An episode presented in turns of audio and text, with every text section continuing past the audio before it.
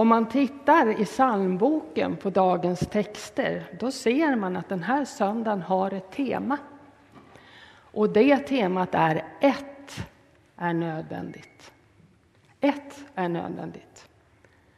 Tänk vad skönt det låter. Att bara en enda sak är nödvändig. Allt annat är liksom inte lika nödvändigt.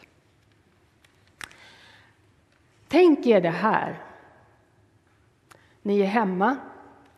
Ni får ett sånt här så kallat VMA, det vill säga när det händer någonting farligt som man måste, som man måste veta, som säger du måste lämna ditt hem nu och du får bara ta med dig en enda sak. En enda sak. Du vet inte när du kommer tillbaka igen. Du ska ta med dig en enda sak. Det enda nödvändiga för dig för att lämna ditt hem för en längre tid. Vad skulle du ta med dig för någonting? Om du var där liksom på språng så här, vad, vad grabbar du tag i? Det här kan jag inte klara mig utan när jag går ut genom dörren. Är det elsparkcykeln så att du kommer fram fortare dit du ska? Är det Bibeln så att du kan ha Guds ord som tröst och ledning? Är det kreditkortet? Man vet aldrig vad man kan behöva köpa. Eller är det kanske mobiltelefonen? Det tror jag för de flesta av oss när man går ut genom någon så, så mobiltelefonen och så går man.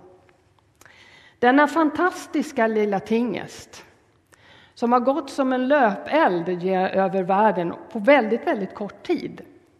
Jag brukar säga att det här måste vara världens hittills mest effektiva mission.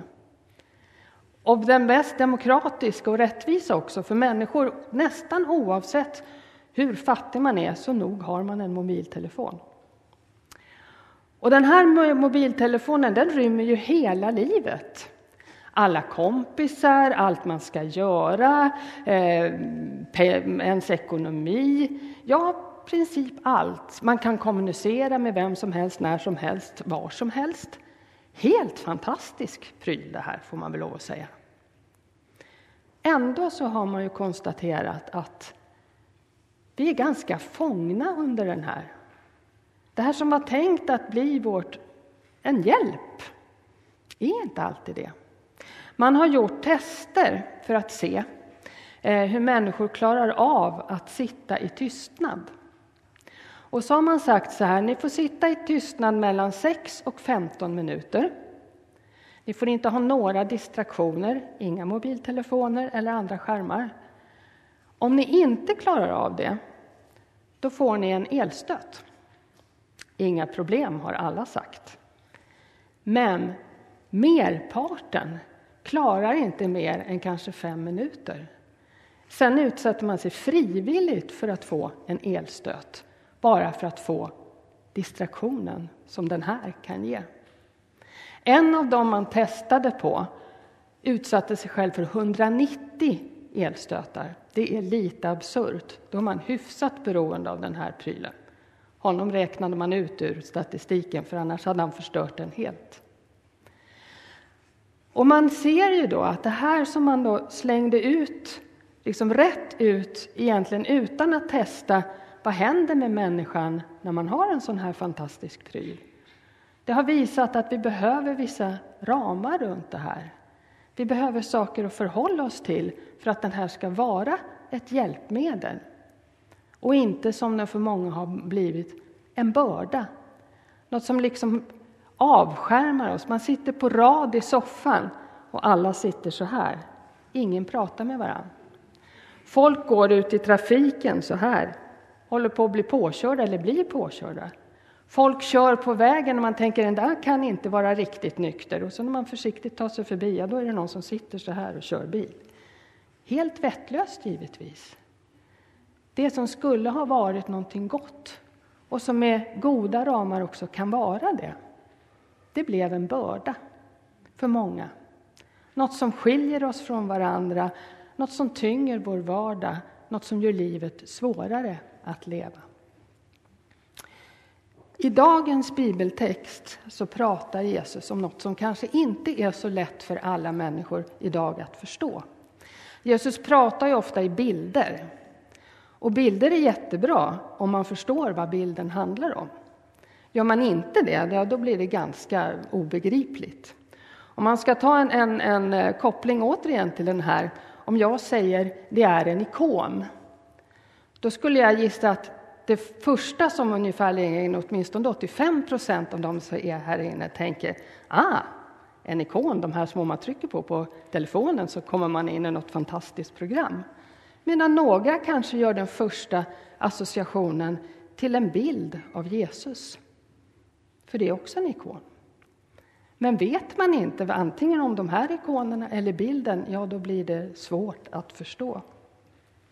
Så när Jesus i texten idag pratar om att hans ok är milt och hans börda är lätt, ja, då var det lätt att förstå för dem som fanns omkring honom, för man visste både vad ett ok var rent konkret, men man förstod också, man hade också en bild för vad det här var bärare av rent symboliskt. Ett ok, för den som inte vet det, det kan vara flera saker, men grundprincipen är att det är till för att göra det man bär lättare. Oftast är det i sin enklaste utformning så är det bara en träpinne så här som man lägger över axlarna. Och så har den två rep eller två kedjor och så kan man hänga till exempel en hink på den ena sidan och en hink på den andra sidan. Och så kan man fylla de här hinkarna och så blir det väldigt mycket lättare att bära därför att man fördelar tyngden över axlarna. Det är vad ett ok rent konkret är för någonting. Men det som de som fanns runt Jesus visste, det var att det också fanns någonting annat. Man brukade säga att man varje dag skulle ta på sig himmelrikets ok. Alltså en bild för någonting.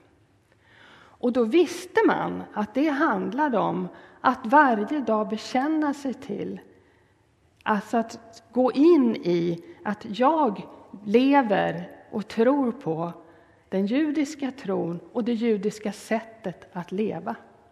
Man bekände sig till det, inte bara med ord, utan också att det här, det här är det jag lever i. Det här är den jag är. Det här är så jag lever mitt liv. Det här är den Gud jag tror på. Och det visste man runt omkring. Men man visste också att det som den judiska tron innefattade, till exempel lagen, de tio Guds bud, det hade med tiden blivit det som var tänkt för att vara till för att människan skulle kunna leva gott tillsammans med varandra och tillsammans med Gud.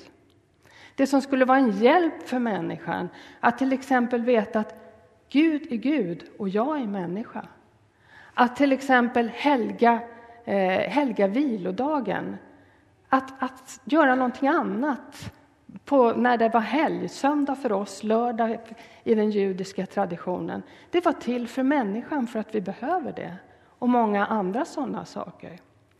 Men när man då skulle börja fundera över ja, men vad betyder det här rent konkret att exempelvis helga vilodagen, ja, då blev det så komplicerat de som skulle fundera över det här, de som kallades för skriftlärda och de som var fariseer som verkligen försökte att till punkt och pricka göra allting precis rätt.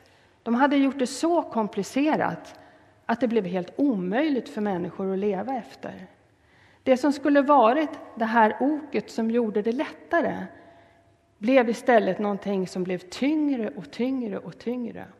Och dessutom visste människor som arbetade och slet hårt att det fanns ju de som chefer som passade på när man nu visste att man hade ett ok, att man la på ännu mera tyngd i de här hinkarna. Så blev det i alla fall inte lättare. Då blev det ännu tyngre. Och det här visste man.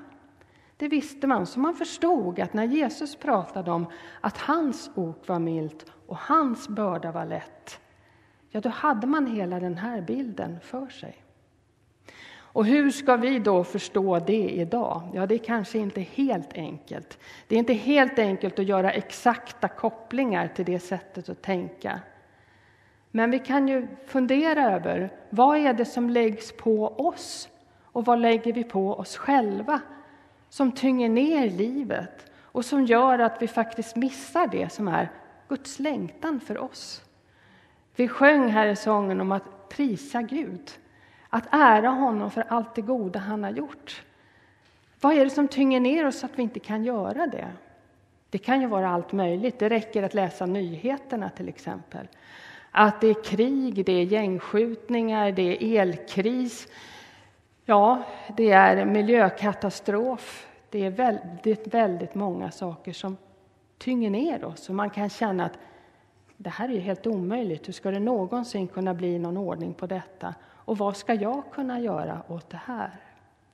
Det kan kännas fullständigt hopplöst. Att vi sen har ett sätt att hantera nyheter som gör att vi bara basunerar ut allt det förfärliga men glömmer att berätta om det som faktiskt är positivt och gott som händer i världen.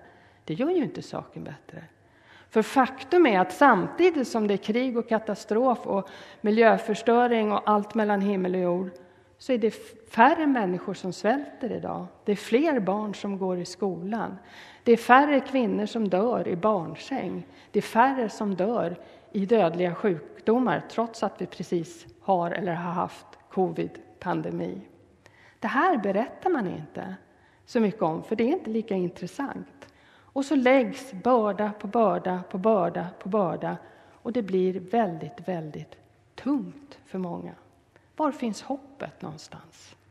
Var finns det här oket som gör det lättare att möta världens alla svårigheter? Var finns det som gör att vi kan se och glädjas också åt det som är gott? Inte minst många unga idag bär ju det här väldigt tungt på sina axlar.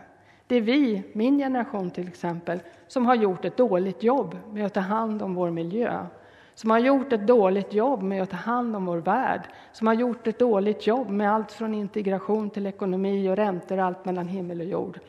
Och så står en generation och ska ta över det här. Tack för kaffet! Tack!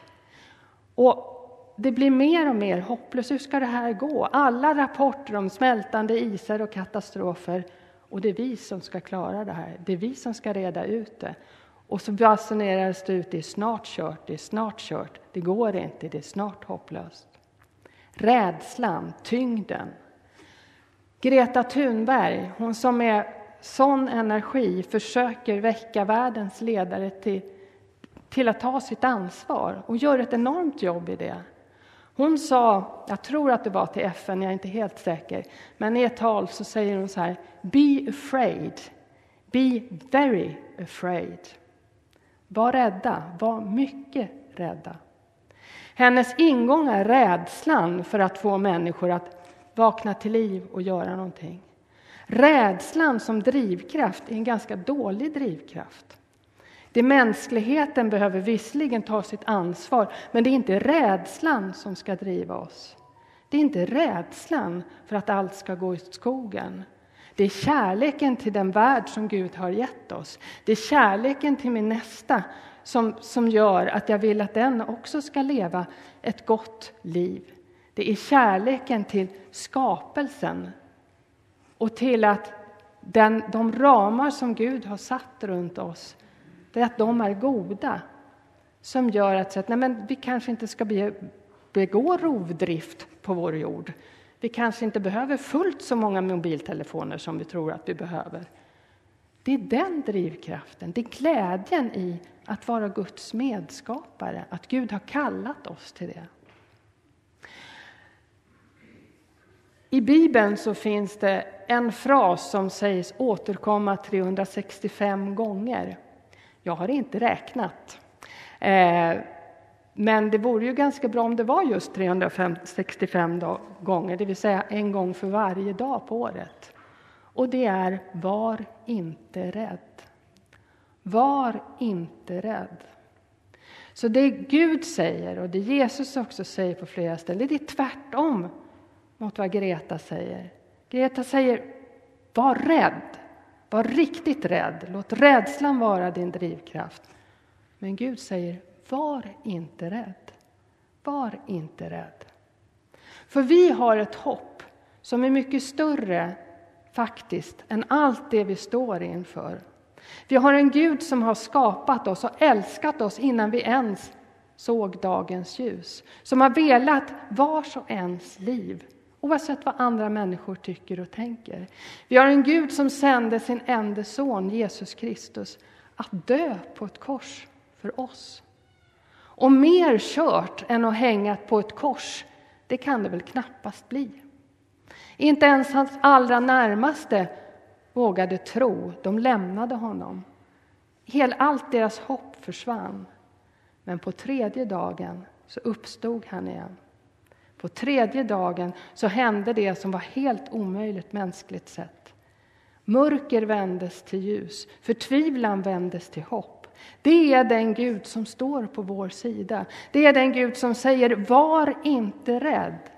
Var inte rädd.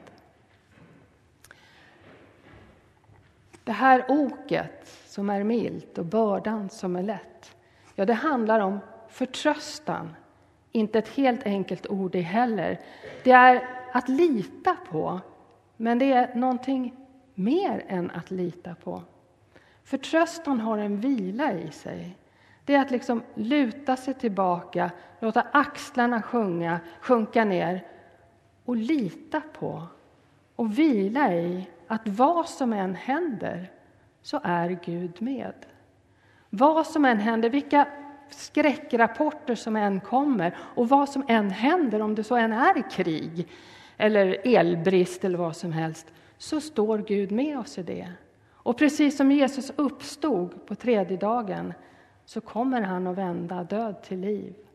Om inte i den här tiden, så i evigheten.